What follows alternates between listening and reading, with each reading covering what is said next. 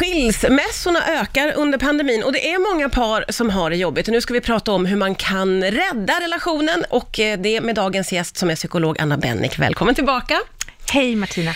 Du, eh, Anna, kan vi börja i det här? Är det själva pandemin som är boven i dramat vad gäller att relationer blir dåliga? Eh, det kan det vara. Det kan det absolut vara. Eh, sen är det väl sådär att eh, relationer som redan innan eh, är lite trassliga och jobbiga, uppförsbacke, oftast påverkas ännu mer i negativ bemärkelse då, när, ja. när, vi, när det händer någonting sånt här. För det här är ju en kris. Ja. Och ibland tänker man på kris som kris och katastrof och att det måste eh, brinna upp saker och ting och, och att det ska hända någonting väldigt stort.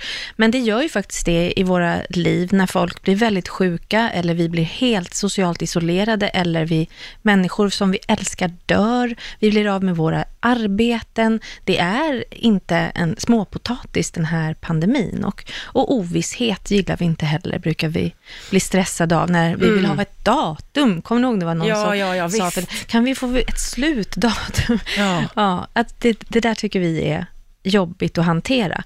Och när, när det är jobbigt omkring oss så, blir, så påverkar det såklart också våra relationer. Jag vet ju att det var ett flertal psykologer som liksom förutspådde att det här skulle ske, att det skulle öka skilsmässor och ha en dålig inverkan mm. på relationer, mm. eh, redan i början av pandemin. Ja. Eh, så då är ju det här egentligen förklaringen, att man kunde ändå förutse att det är en krissituation som kommer att utveckla Precis. sig. Precis, kris är kris och det innebär påfrestningar och eh, det är ju inte alla som har fått det sämre. Det finns ju faktiskt en del som beskriver också att den här pandemin har gjort att vi börjat leva på ett annat sätt. Vi proppar inte våra liv med lika mycket grejer för det får vi inte och det kan vi inte.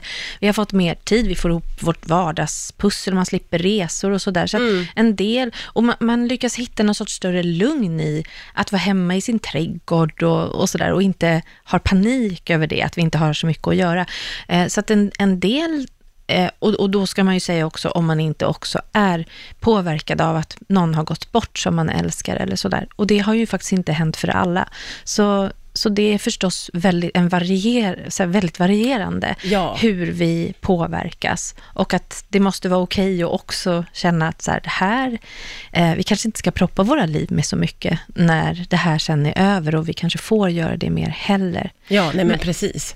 Men väldigt många, eh, där har det ju blivit olika typer av påfrestning. Och jag har ju nu pratat om de, de stora blir av med arbetet och en stor oro för sjukdom och död och så. Mm. Men vi ser ju det här verkligen i våra vardagsliv också. Mm. Eh, och då eh, förstår jag ju på dig att eh, var det så att man hade det lite knöligt innan så har det liksom förstärkts nu under de här påfrestningarna. Och det faktum att eh, väldigt många jobbar hemma och i vissa fall eh, båda två i ett förhållande mm. jobbar hemma, det blir ju en väldigt, väldigt ovan situation. Ja, verkligen. Och det tror jag är det viktiga att komma ihåg, att det är ovant. För jag träffar många par ju, och även eh, individer som beskriver det här som eh, problematiskt och man kan också bli orolig att har vi det inte bättre än så här? Varför håller jag på att bli galen? Vad, vad hans makt snackar högt och vad hon pratar högt i team så måste hon kan ställa ner yoghurttallrikar som står överallt och håller på att bli galen och undrar om kärleken är slut. Ja. Och ganska många gånger så eh, är den inte det, utan det är bara precis så. Vi är inte vana alls vid att leva tillsammans på det viset. Vi har aldrig gjort det. Vi har alltid gått iväg och fyllt på oss mm. själva med intryck och input. Och så kan vi komma hem och fylla på där ja. hemma. Vet du vem jag träffade idag? Eller, åh, jag måste berätta om världens jobbigaste möte. Hjälp mig med det här konstiga grejen som hände. Eh, och det gör vi inte nu när vi sitter och glor på varandra vid något köksbord med smulor. Och liksom inte kul. Det är inte kul. Men hur ska man hantera den situationen då? För det mm. kommer ju att fortsätta hela hösten för många. Ja, nu har ju andra Anders Tegnell sagt att vi ska vara hemma till julafton, ja. eller till, till årsskiftet. Eh, och, och och det kommer ju fortsätta på samma sätt. Och det tycker ju många är jättejobbigt. Så då, det är ju en väldigt bra fråga som, eh, att ställa sig, precis den du ställer nu. Vad kan vi göra då för att hantera det här? Och då tror jag det viktigaste är att man vågar sätta ord på det utan att, och kanske inte göra det när man är som allra mest irriterad, ja, utan att bestämma sig, nu ska vi sitta hemma hela hösten också. Det var ju rätt tufft i vår och att man inte ska vara rädd för att tala om sina egna behov och vad man har för behov. Man behöver inte gå promenaderna tillsammans till exempel. Man kan dela upp sig lite grann.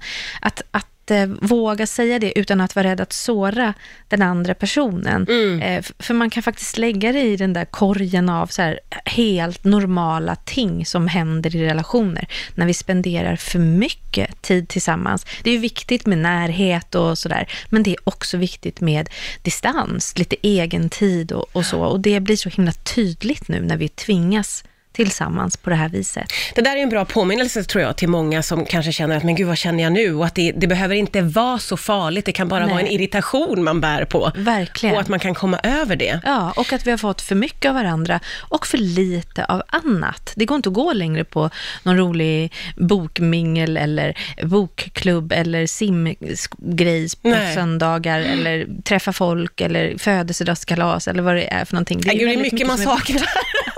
Ja, det är mycket som vi saknar. Pandemin pågår ju fortfarande och vi vet att många kommer att jobba hemma eh, även under hösten.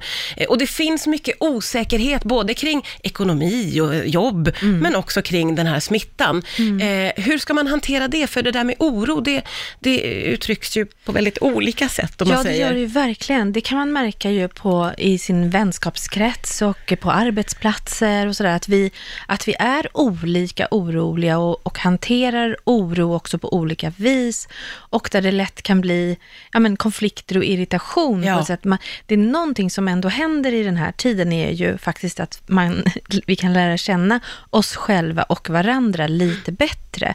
Eh, därför att vi är så pass olika. Och, eh, och det där ser jag också när jag träffar par just nu, att det kan vara svårt med, om, om en är mycket mer orolig än den andra i relationen, att det är svårt för, att alltid stötta den som är orolig och det kan vara väldigt, kännas väldigt eh, eh ignorant och eh, frustrerande om den andra personen inte alls tycker det är så farligt att gå iväg och handla och hämta grejer och de kan väl komma hem, de är ju ändå friska eh, och så vidare och att det kan bli rätt mycket konflikter kring det där. Ja. Ehm, och att jag tror att det, det viktigaste blir då att inte stanna i sakfrågan alltid, utan så vad det bottnar i. Ja, nu är jag psykolog ju, så det är inte så konstigt att jag tycker det kanske. Men jag tror att det underlättar om man kan beskriva så här, vad, vad, vad det är, så att man inte bara är arg och anklagar varandra för att vara eh, tramsig och för ängslig eller att vara ignorant och dum i huvudet. Ja, ja, Eh, precis. Utan att man faktiskt är, men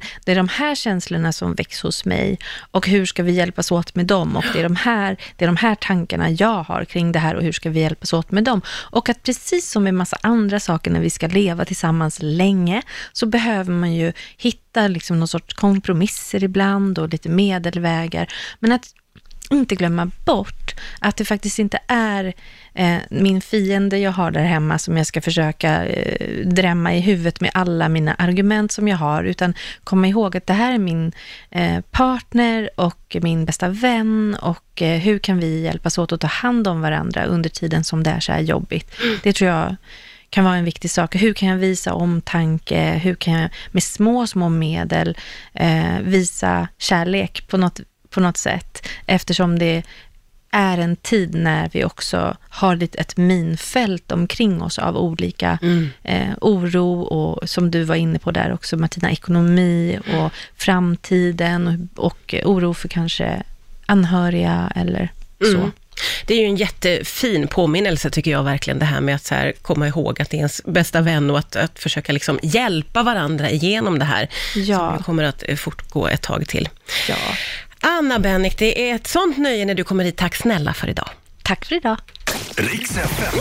Eftermiddag med Martina Thun.